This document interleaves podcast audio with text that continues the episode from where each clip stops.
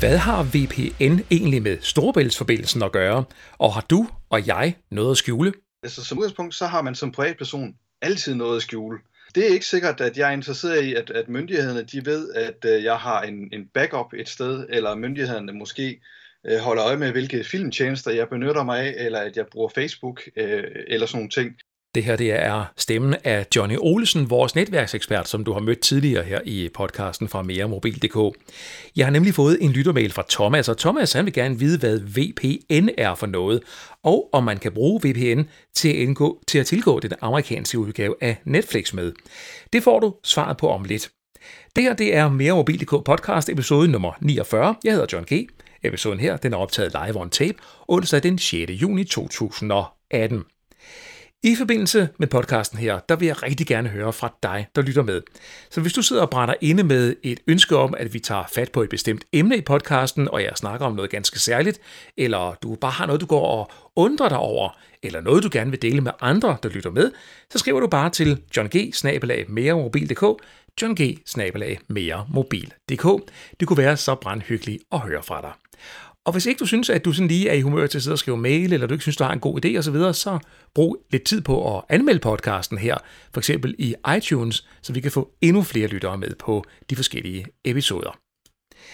I øvrigt, så har jeg fået en udfordring, siden vi har været sammen sidst. Der er nemlig sket det, at min MacBook Pro den er blevet ramt af en RAM-fejl. Du ved, sådan en fejl, hvor computeren genstarter en gang imellem og lukker det hele ned. Og en af den slags fejl, der betyder, at når man sidder, lidt som jeg gjorde med en deadline på et stort videoprojekt, så bliver deadline ikke overholdt, fordi man kan ikke gøre projektet færdigt. Så jeg måtte i gang med at finde ud af, om jeg havde en backup, og det havde jeg heldigvis. For det er sådan, at mine mails de ligger i Office 365 fra Microsoft. Jeg har dokumenter på Microsoft OneDrive. Mine video- og podcastfiler de ligger i Creative Cloud, der er en tjeneste fra Adobe. Og så har jeg billeder i øh, Google Photos. Men hvad værre er, jeg konstaterede så, i går i øvrigt, at der kun er tre dage tilbage af garantien på den her maskine. Så det kunne nok lige være, at det var en god idé at få den indleveret til, til service. Så jeg har fået fat i nogen, der hedder Care One, eller Number One Service, tror jeg også det hedder, øh, der skal kigge på den her maskine, så den forhåbentlig kan komme op og køre. Men jeg har så taget min gamle MacBook frem fra skabet, øh, der har nogen flere år på banen, end den jeg lige har brugt her senest. Og det var lidt en anderledes oplevelse. Hvis et videoprojekt på 3 minutters varighed, det er på den nyeste MacBook 2, nu siger jeg bare i rundtal 8 minutter at eksportere. Så tager det 3 kvarter på den gamle. Så jeg har virkelig, virkelig fået noget at bruge min tid på. Men nu skal den altså til service, så jeg har chancen for at få den lavet, inden garantien for alvor udløber.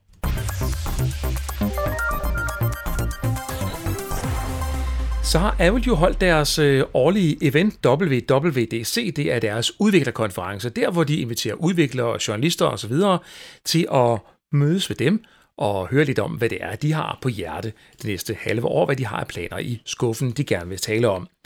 Op mod WWDC 2018 har der været en hel del rygter om, at der kom en ny iPhone SE 2, et Apple Watch og nye MacBooks, men rygterne de holdt ikke vand, så rygterne har altså ikke altid ret, kan jeg konstatere. Der kom til gengæld, til gengæld en ny iOS-version, altså den der software, der ligger på din iPad og din iPhone. Det vigtigste i iOS 12, som den hedder, er, at Apple har forbedret ydeevnen hele vejen igennem systemet. Eksempelvis der åbner øh, kameraapplikationen hele 70% hurtigere. Tastaturet det kommer dobbelt så hurtigt frem på skærmen, og desuden er der bedre respons under skrivningen, oplyser Apple. Opstart af applikationer vil i øvrigt ske dobbelt så hurtigt som tidligere, selv når styresystemet har travlt med andre opgaver så det lyder lovende. Men den allerbedste nyhed for iPhone-ejerne er, hvis de har en ældre model, vel at mærke, at telefoner helt tilbage til iPhone 5S fra 2013 får glæden af den hurtigere respons i iOS. Og på iPad der starter forbedringerne fra iPad Air, der ligeledes er fra 2013.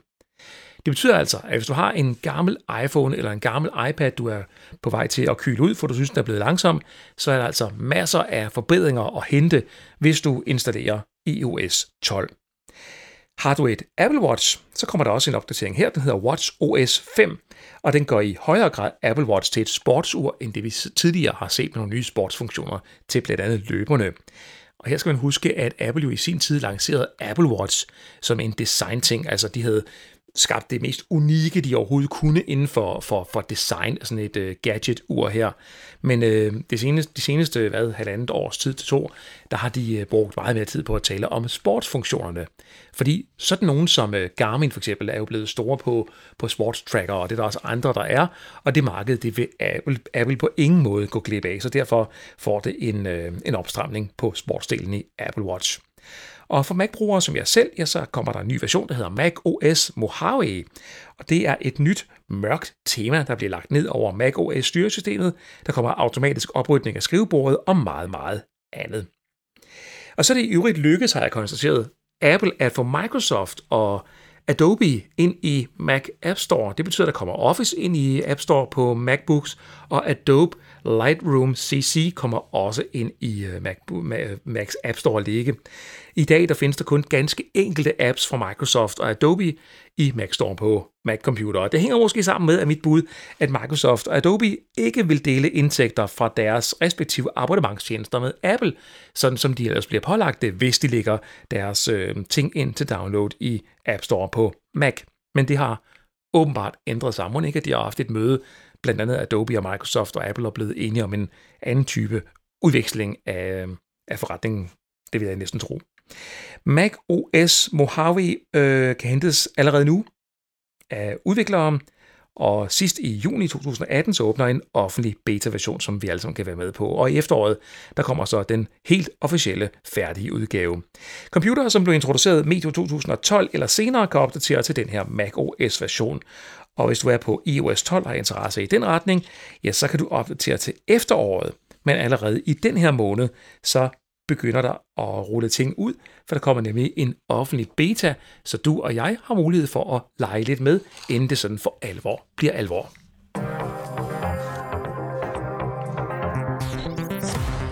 Nu skal vi rette blikket mod noget helt andet, fordi der var en gang for ikke så længe siden, og vi alle sammen sad foran fjernsynet. Vi så de samme ting i fjernsynet. Vi talte om de samme ting.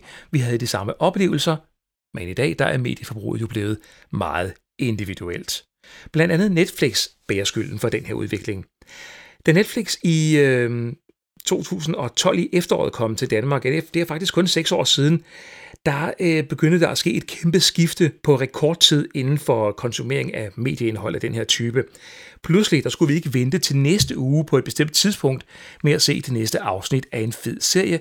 Vi kunne lige pludselig se alle episoder af alle serier her og nu.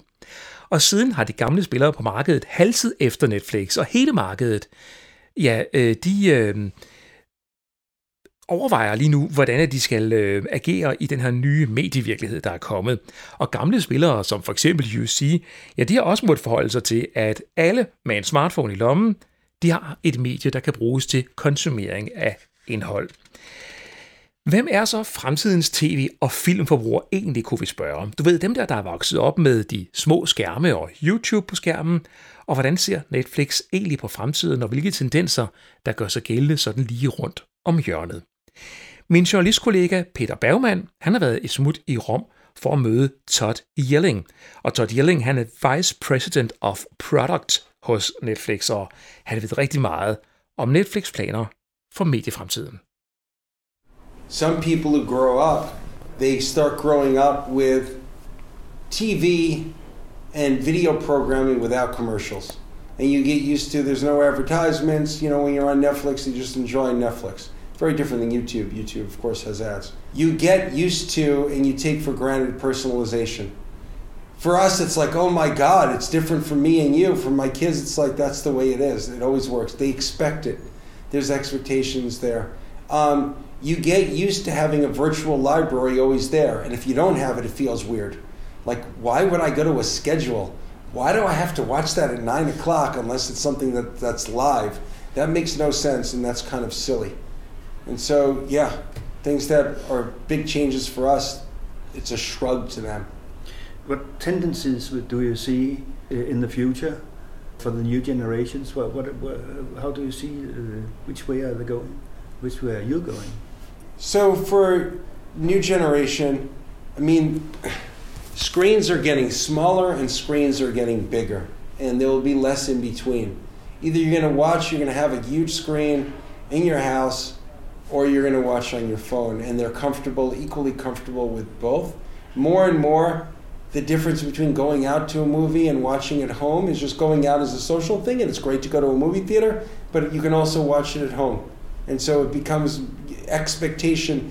When you think of, when we think of a, a movie you watch at home, you either think of an old movie that used to be in theaters, or you think of a TV movie that's cheaper. What they'll start thinking about is, yeah, you can watch like the biggest, hugest movie and it premieres inside your house. And so we're heading towards that direction as well, and that's important to us. Um, we're also playing with things like interactivity in your video content. So on the kids front, we, we experimented with a couple of titles very successfully, where you kind of choose your own adventure, um, and you you choose what Puss in Boots does. Is Puss in Boots going to fight the dragon, or is Puss in Boots going to kiss the queen? And you pick it, and it changes the story. And we're going to experiment more with that because that was successful. Okay, for young and uh, adult and adult. And, Right now, it's kids, maybe eventually adult as well. Okay, okay. Ted and Kelly and Eric um, said that uh, you are not um, filming, uh, producing uh, explicit for the small screens, but you're just producing still the good story, the great story, um, and, and That's, that's right, because what we've seen, we used to think before we learned that they'll watch short content on this and they'll watch longer content on that. What we see is no, they watch the same content on both. You start watching there and you finish watching here, or you watch some of it there, some of it here, and you switch it back. This is more like your TV screen that's always with you. And so it just acts as a TV screen and it just makes the experience. That's another thing our children are getting more used to. Everything is portable, and wherever I am, I should I expect to have it. Just like now, always we were able to read books on a train and the bus and bring it to wherever. I could bring my stories with me. It's a portable, virtual media library. But doesn't uh, that um, infect on the, on the way they, they uh, experience the movies? Uh, uh, uh, my generation are still uh, very uh, focused on, on the sound and the pictures. You, you remember The Mission, for example, is a very good example. I saw the mission. No more, no more The Mission, or what? Why not? There will be On, on, a, on a screen like that? Technology gets better. Even the picture on this thing gets better, and the sound gets better on this thing. Come on, this has come a long way. So why not? Because think about think about size. Don't get confused. When I'm with my phone, it's like I'm only this far away. Yeah, yeah. With the TV, I'm like three meters away. I'm like how many centimeters away from this phone? But but in, but in the old days we said we, we we we said to each other that that movie you had to see it when when it's in the movie, not uh, at a, a movie theater, not when uh, it comes on the TV because And there's nothing wrong with that. People can still go to the movies, Yeah. but the truth, and that's fine. yeah, but but not with the Netflix productions. But more and more, no, I mean they can go to the movies and other stuff. Yeah. More and more, we just think, and you know what? In the age of home video, most hours of most of the biggest movies have been watched at home. Mm, okay. no, that's not changing that much. Is is there a, a movement uh, towards the smaller screens? You said before uh, the, it will be the big screens and the They're smaller getting screens. bigger and they're getting smaller. Yeah. But even, but the phones, to tell you the truth, and you know this was your field, tablets are going down. They're declining in sales and so forth because my screen is pretty big. The phone screens are getting bigger. And so they're not that they're not getting smaller and smaller like it's going to be this big. This is an eight, an iPhone 8, right? um, yeah, this this is plenty. Uh, this is plenty big. Det var min kollega Peter Bergman, der havde været i Rom for at møde Netflix Todd Yelling. Og her i Danmark der er der også mange udfordringer, når vi øh, kommer til det her med konsumering af medieindhold. Fordi situationen er jo den, at øh, eksempelvis UC's box, den nyeste IP-baserede box, de har, øh, ja, den fungerer jo på den måde, at øh, de er underlagt forskellige typer af rettigheder på, på indhold, som du optager på boksen. Og det betyder, at du kan komme ud for, at en udsendelse, du optager, den er tilgængelig i få dage, efter du har optaget den, eller den er tilgængelig i øh, et år frem. Det ved man bare aldrig helt rigtigt, og det er brandhammerne irriterende, når man render ind i den her slags begrænsninger. Altså, for det er gamle hynisser, sådan oplever jeg det.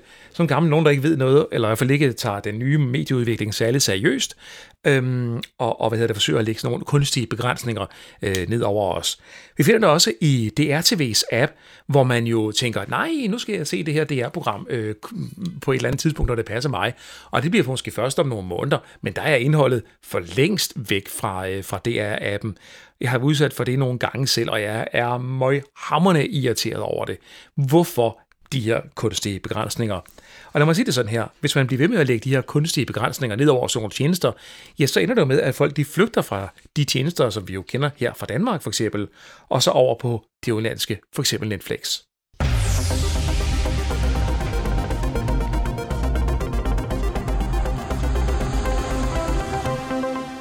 Jeg har tidligere modtaget en mail fra Thomas i Aarhus, og Thomas skriver, Hej John, en idé til et tema i podcasten kunne være VPN. Jeg vil gerne vide mere om den her teknologi. Hvorfor bruge VPN? Er man sikret mod hackerangreb på et offentligt netværk? Og kan VPN bruges til at tilgå amerikansk Netflix? Johnny Olesen, velkommen til. Mange tak. Du er vores øh, faste netværksekspert på meremobil.dk og ved en masse om digitale teknologier og netværk i særdeleshed, og jeg kan udtrykke det i Pixelbooks format, så selv jeg kan forstå det. Så det var en god start, ikke? Vi prøver. Johnny, fortæl os så lige, hvad er det her VPN for noget? Jamen altså, hvis man skal sige det ganske kort, så er en VPN det er en krypteret forbindelse fra punkt A til punkt B. Og øh, hvis man sådan skal forklare det lidt i Pixelbooks format, så, øh, så kan man sammenligne det med Storbæltsbroen. Den kender vi alle sammen i, i Danmark, og hvis vi nu forestiller os, at Storbæltsbroen, det er den forbindelse, man har ud til internettet. Så sætter man sig ind i sin bil på Sjælland, så kører man over Storbæltsbroen til Fyn. Og lad os nu forestille os, at øh, TV2 News de har en helikopter i, i luften. Så vil de kunne filme din bil hele vejen hen over broen fra Sjælland til Fyn. Sådan fungerer en, en normal internetforbindelse også. Altså alle, alle der ligesom er på, øh, på forbindelsen, altså din internetudbyder eller myndighederne, de kan i teorien følge din trafik øh, fra punkt A til, til punkt B. Hvis vi så forestiller os, at du sætter dig ind i et tog i stedet for, altså et DSB-tog på Sjælland, så ved vi alle sammen, at så skal man en, en tur øh, under øh, tunden øh, i, i, stedet for, øh, i stedet for broen. Og det der sker, det er, at når man kører ind i tunnelen, så forsvinder man sådan set fra jordens overflade. Og den kære lille TV2 News helikopter, den kan så ikke se, hvor, hvor man er hen, fordi man kører jo under vandet, indtil man dukker op over på Sprogø, hvor man så igen er synlig øh, resten af vejen. Det er sådan set sådan en VPN-forbindelse fungerer. Det er en krypteret forbindelse, som krypterer en, en del af forbindelsen, altså en del af, af vejen fra punkt A til, øh, til punkt B. Det gør ikke en helt fuldstændig usynlig, men det gør i hvert fald, at man forsvinder, så at sige, en del af vejen. Hvorfor har vi interesse i at forsvinde en del af vejen, Johnny? Lad os forestille os, at, at man befinder sig på et, et offentligt netværk. Det kunne for eksempel være på et hotel eller, eller et uh, transportcenter, en, en lufthavn, uh, hvor man ikke stoler på det netværk, som man, man er koblet op imod. Og der er udgangspunktet, at hvis du ikke er koblet op på en, øh, dit eget hjemmenetværk, jamen så skal du ikke stole på netværket. VPN-forbindelsen, den krypterer forbindelsen fra din computer ud til en computer i den anden ende. Og så ud fra computeren i den anden ende, så får du så videre adgang til det store internet. Man laver så at sige en krypteret forbindelse fra din computer til en server for eksempel i Tyskland, og så er det fra Tyskland og videre ud på nettet, at din, øh, din computer den forbinder til det, til det store internet. Hvis der så sidder nogle ondsindede folk for eksempel og kontrollerer det lokale wifi-netværk, eller en myndighed for eksempel, som kan holde øje med en, en internetudbyder i det land, du er i, så vil VPN-forbindelsen effektivt kryptere forbindelsen fra din computer ned til computeren, som så står i, i det andet land, og dermed kan man maskere sin, sin trafik. Det her, det lyder sådan noget, man bruger, hvis det er, at man har noget at skjule. Ja og nej. Altså, som udgangspunkt, så har man som privatperson altid noget at skjule.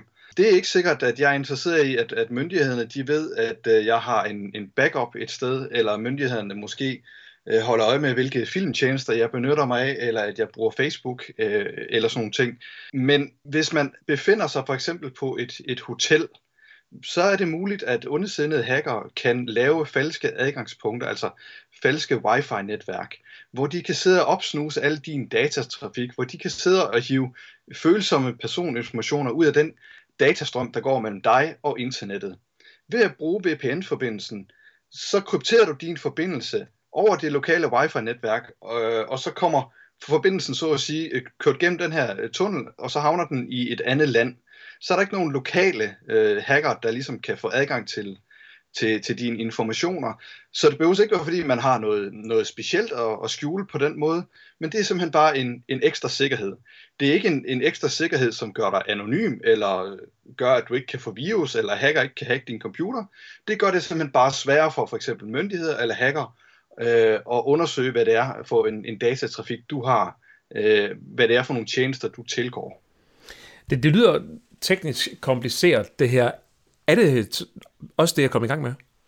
Nej, det er det ikke. Altså, der findes et hav af de her tjenester, som mod betaling øh, øh, tilbyder, at, at man, kan, øh, man, man kan koble sig på sådan en, en VPN-forbindelse. Vi snakker om nogle ganske, ganske få øh, kroner øh, i hver måned for at, at få adgang til sådan en, en VPN-forbindelse.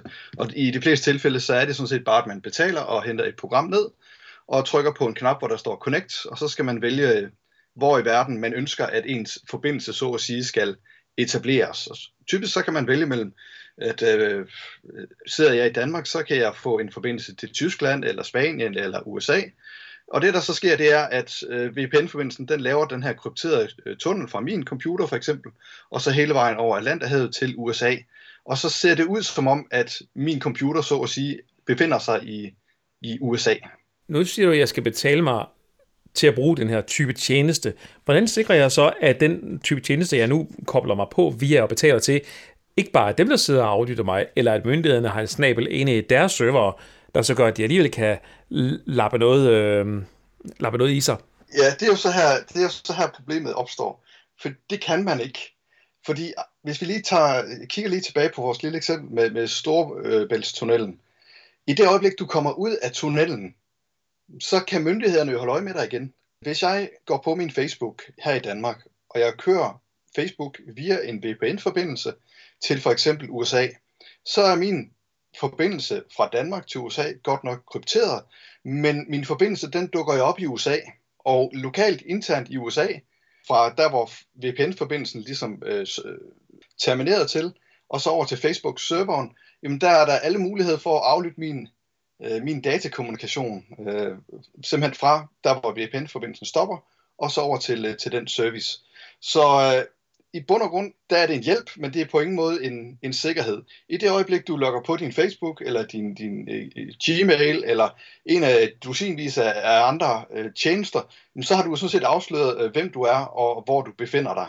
Så VPN-forbindelsen, den hjælper ikke så meget med for eksempel at holde dig anonym, og den vil heller ikke kunne i bund og grund holde dig sikker for, for hackerangreb, øh, eller virus, eller, eller andre ting. Og nu spørger øh, vores ven her på mailen omkring det her med Netflix i USA og VPN. Det er der mange, der nogle gange taler om. Det er i hvert fald, man hører sådan histen pisten, at man bare skal bruge en VPN-forbindelse, så kan man se amerikansk Netflix. Er det rigtigt? Og der er det øh, desværre spørgsmål, eller desværre svar, det er i måske. Sagen er, at ved nogle VPN-tjenester fungerer det, og ved andre VPN-tjenester fungerer det ikke. Hvis man bruger for eksempel en tjeneste som Netflix, og du bruger en, en dansk konto, hvis du så i din VPN-forbindelse siger, at nu skal min VPN-forbindelse køre til USA, det der rent praktisk sker, det er, at så får du tildelt en amerikansk IP-adresse, som ligesom er, at den adresse, hvor Facebook, eller Facebook siger, øh, Netflix skal sende øh, videoinformationerne til.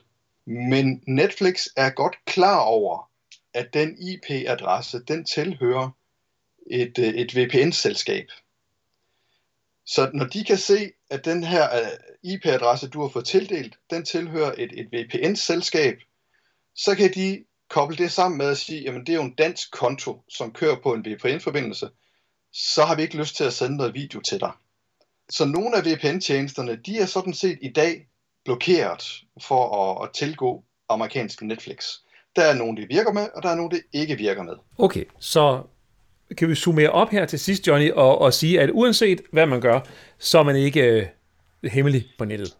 Nej, du er ikke anonym ved at bruge en, en VPN-forbindelse. Øh, det er simpelthen for at, at sikre øh, en lokal forbindelse fra der, hvor du befinder dig, til for eksempel et, et andet land.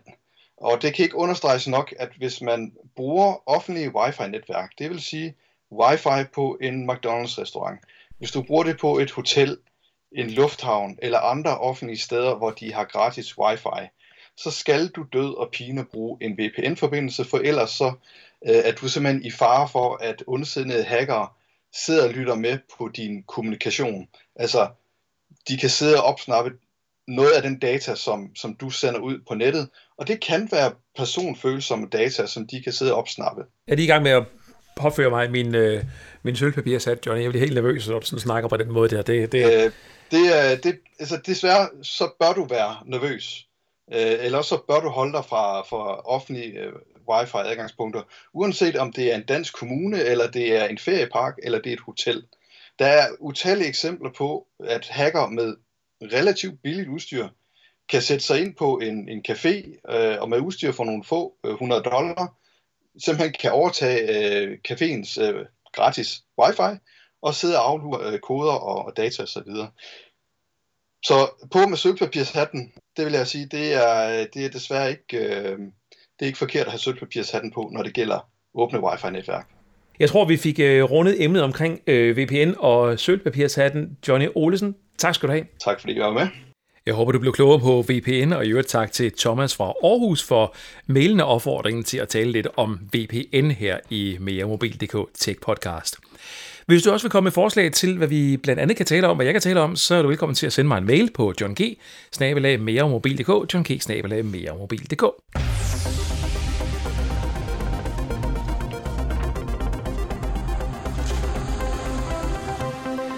Lad os se lidt på, hvad der er røget igennem testmøllen her på det seneste. Jeg har haft en øh, del telefoner, men jeg har også haft en hel del andet at se til, end at snakke om, øh, eller skrive om telefoner, fordi der er jo nok at se til sådan en lille bæks her, blandt andet det at lave podcast. Men jeg har anmeldt Motorola, Motorola Moto G6 Plus, den klarede sig ganske fornuftigt. Det var en telefon til 2.295 kroner uden abonnement, og selvom den er billig, ja, så får du stadigvæk sådan en premiumfølelse i hånden. Jeg har ikke manglet noget i testperioden. Den har kørt perfekt telefonen her. Selvfølgelig kunne jeg godt ønske mig et øh, bedre og federe kamera, men man lærer at klare sig, og kvaliteten er faktisk i den bedre ende, og jeg turde sagtens tage den her telefon med på ferie, med den her telefon som mit primære kamera, det er der ikke nogen tvivl om. Det vil bestemt ikke gøre noget. Hvis du køber Moto G6 Plus, så får du lang batteritid, en hurtig oplader, der følger med i salgspakken, at 9 formatskærm i 6 tommer og en rigtig fin ydelse til langt, langt de fleste opgaver. Den har 64 GB hukommelse, og der burde jo sådan set være så nok hukommelse til de fleste. Hvis ikke det er nok, ja, så kan du øh, smide et microSD-kort i telefonen, og der er også plads til et ekstra SIM-kort. Faktisk kan der være både to SIM-kort og et hukommelseskort i den her telefon på en gang. Motorola Moto C G6 Plus den er ganske simpelt fremragende til prisen. Den får 6 ud af 6 mulige stjerner her fra min hånd af, og øh, den får samtidig også et mere mobil.dk anbefaler logo, for det er faktisk en telefon, jeg sagtens selv kunne finde på at købe og bruge og blive rigtig glad for.